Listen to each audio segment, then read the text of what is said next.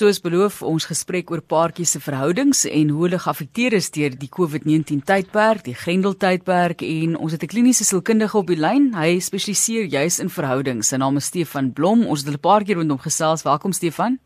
Hallo Martelies, hallo. En ek dink dit is belangrik soos jy ook sê Stefan, daar's nou 'n paar SMS'e wat deurgekom het. Die een sê net ag dit was reg of weg. Jy weet dit was die wat eintlik nie meer wou saam wees nie, het geskei en die wat nog wou saam wees het gebly. Ander mense sê oor see is daar ook groot uh vlakke van egskeiding wat plaasvind, maar ek dink 'n belangrike punt wat jy ook maak is dat ons net eers kyk na die algemene trauma wat almal saam ervaar op die oomblik en die feit dat ons maar so deur 'n uh, tyd beweeg waar ons emosies ook op en af is soos wat die verskillende vlae van hierdie pandemie ons tref. Ja, Martelies, ek vind dat ehm um, dit elke maand, elke tweede maand is dit amper soos 'n totale ander gemoed binne verhoudings en ons het nou al seer soveel verskillende fases gegaan van einde verlede jaar het ek self 'n post a PTSD, a post traumatic stress syndrome gekry wat mense swaar na die trauma vorm van stres ehm um, en, en angs en en hoë spanningsvlakke toon. Ehm um, amper soos 'n tipe van 'n burn-out, maar not quite the same. So mense is in hierdie in in between spasie wat hulle weet moeg en rusteloos is, maar hulle moet obviously harder werk hard. Ehm um, hulle voel goed en gesond, maar hulle is nie regtig gelukkig nie. Ehm um, hulle lewens is vol, maar hulle voel nog steeds hulle lewens is leeg. So as dit enigsins sin maak. So dit is hierdie soos hulle praat van 'n vreugdelose en 'n doellose ja. leegtyd. Ehm um, maar ek dink vir paartjies veral dit hoë vlakke van spanning, lae vlakke van energie, dit is baie moeilik om naby mekaar te bly en daai belangrike gesprekke te voer as jy in daai toestand is as jy konstant oorweldig voel. Kyk, daar is nou 'n bietjie hoop vir mense as jy nog glo in inentings natuurlik um, ja, aan ja, enstowwe.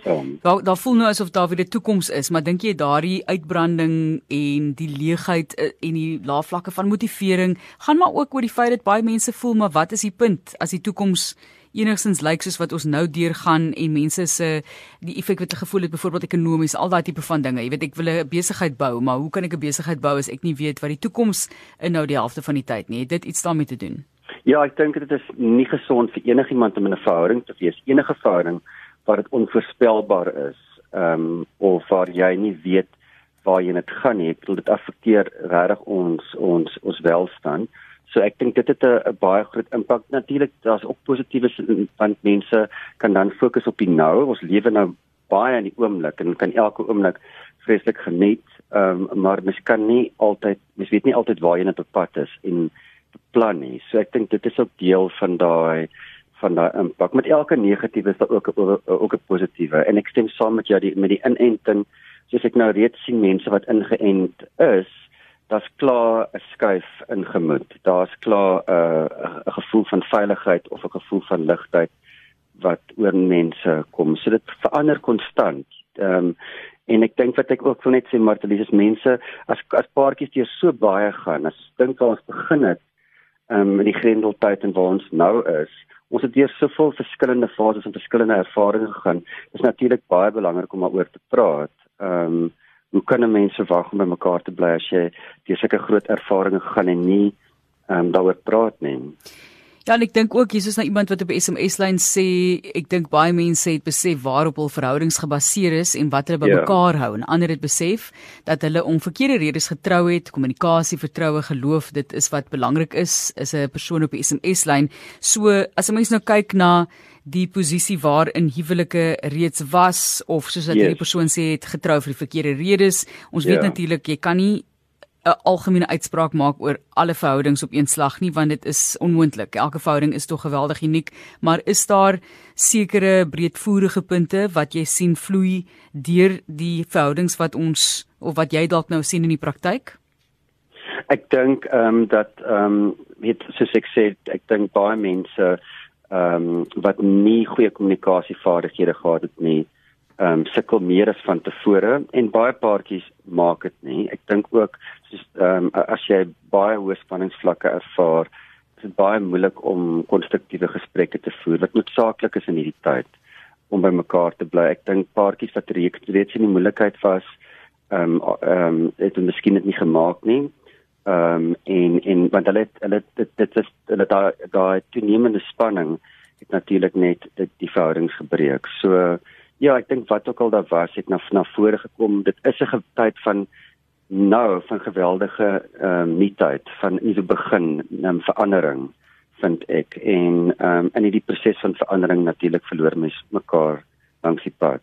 Ja. Ons Stefan, weet jy, ek dink nou byvoorbeeld net aan die feit dat goed mense gaan deur 'n moeilike tyd. So, hoe ja. verskil COVID-19 dan met die ervaring van 'n paartjie wat deur 'n moeilike tyd gaan? Ek sê baie kere 'n voorbeeld, 'n tragiese voorbeeld is as 'n paartjie 'n kind verloor. Dit is baie moeilik en mense sien baie dat daai paartjies geneig is om dan ja. uitmekaar te gaan en te skei, want dit is net hierdie ongelooflike stresvolle periode wat hulle deurgaan. Hoe verskil yes. COVID-19 dan van iets soos dit? Ek dink dit is baie soortgelyk. Ek dink hoe meer jy deurgaan, hoe meer moet jy praat. Ehm um, nie dat praat die enigste manier is om naby mekaar te bly nie, maar ek ek dink tog as jy konstant ehm um, onder hoë vlakke van spanning is en ons almal was ehm um, en met en, en gelewe het in onsekerheid. Ehm um, as mens nie praat oor waar ons is konstant en wat ons deurgemaak het. Die min paartjies praat regtig oor die impak van COVID en die grendeltyd op hulle lewens. Ehm um, dit is asof jy die massive die groot verandering ervaar het, maar nooit regtig met mekaar ingecheck het oor hoe dit met hoe jy gaan, hoe dit gaan en wat jy ervaar het en waar jy nou is, nee. Ons gaan nog steeds daardeur natuurlik. So ek dink is baie soortgelyk, maar dis groot ervarings, ehm um, groot verandering, ehm um, vereis meer kommunikasie en as mens dit nie doen nie, natuurlik verloor mens mekaar ehm um, langs die pad. Goed, so kommunikasie, kommunikasie, kommunikasie. Dis nou die sentrale punt van jou ook van ons luisteraars. So raad asseblief, jy sê soos jy genoem het, ons gaan nog steeds deur hierdie proses. Ons is nou op 'n punt waar 60 plussers die enstof ontvang, maar dit gaan nog lank neem voordat ons dink ons veilig is. Dan praat ons nie eens van nuwe variante waarvoor die enstowwe nog nie eintlik gereed is nie. So ja. gee net vir ons 'n idee, gee vir ons 'n bietjie raad asseblief vir die toekoms en hoe om iemand te nader wat nie noodwendig altyd wil kommunikeer nie. Want 'n mens kan 'n hoog en laag sê, ja, paartjie moet mooi kommunikeer met mekaar maar baie keer is daar jy weet daar's hierdie triggerpunte wat 'n persoon wil kommunikeer en dan spring jy aan 'n persoon op hulle agtervoet. Jy verstaan hoe daai vinnig vinnig gebeur. ja natuurlik ek dink wat dit is nie met vir my mens kommunikeer op verskillende maniere. Ek dink as jy die aanslag kry van 'n trauma um, dan verloor mens goed langs die pad. Onder andere wat mens geniet het in die verlede wat mens saam gedoen het. Baie paartjies praat met my oor ehm um, lekker dinge wat hulle saam gedoen het wat hulle nie meer doen nie as gevolg van die grendeltyd en die impak daarvan. Ek praat nie net van die impak op hulle sosiale lewe nie, maar impak op wat hulle gedoen het en ek dink is belangrik vir ons om om weer op te tel wat ons gedoen het van tevore wat vir ons lekker is en ook om te begin herdefinieer en, en te dink aan wat vir julle wat nou lekker sal wees. Ehm um, daai gesprekke sonder woorde is vir my amper meer kragtig as as as as gesprekke met 'n klomp woorde in van 'n mens net weer daai boodskappe vir mekaar stuur dat ek is ek geniet my tyd met jou, ek wil saam met jou wees, lekker om tyd met jou te spandeer.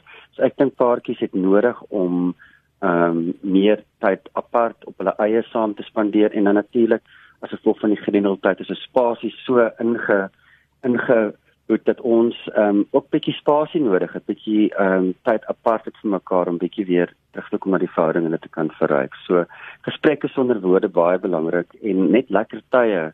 Maar dis ek sien jy weet hoe ook 'n lekker tyd hê. 'n lekker kos te maak en 'n lekker maaltyd en weer tyd met vriende en belangrike goeders ehm um, vir verhoudings doen wat lekker is nou. Ek weet nie, dit is my redenasie op die oomblik. Mense het dit nou ja, nodig, jy weet en ek weet 'n mens daar is ook balans. Moenie bekommerd wees hier daar word vis en broccoli en so geëet hier hierdie week vir die lekker oor naweke. Ja, maar zeker. ja, mense moet hulle self probeer jouself ook nou geniet en maak dis belangrik eintlik mense kom dit seker ook eintlik agter sommer nie, maar wanneer jy saam met iemand positiewe en genotvolle ervarings het, dan konnekteer jy die persoon ook tog tot daardie genotvolle ervarings. En as alles ja. altyd net swaar en moeilik is, dan maak jy daai selfde koneksie. Ja, ek dink mens moet versigtig wees dat daai swaar en moeilik nie oorweldigend raak nie, dat ons nie ehm um, in hierdie hopelose, moederlose kultuur verval wat ons voel ons geen beheer oor ons toekoms nie. Ek dink dit is belangrik om om om eienaarskap van waar of eienaarskap te vat van waar mens nou is en om om myself te vra wat geniet ons waarvan het ons gehou wat doen ons nie meer wat vir ons lekker was nie en om dit weer op te tel en te doen. Ehm um, dit is tog 'n gesprek um, tussen mekaar wat ek dink baie baie um, baie betekenisvol kan wees.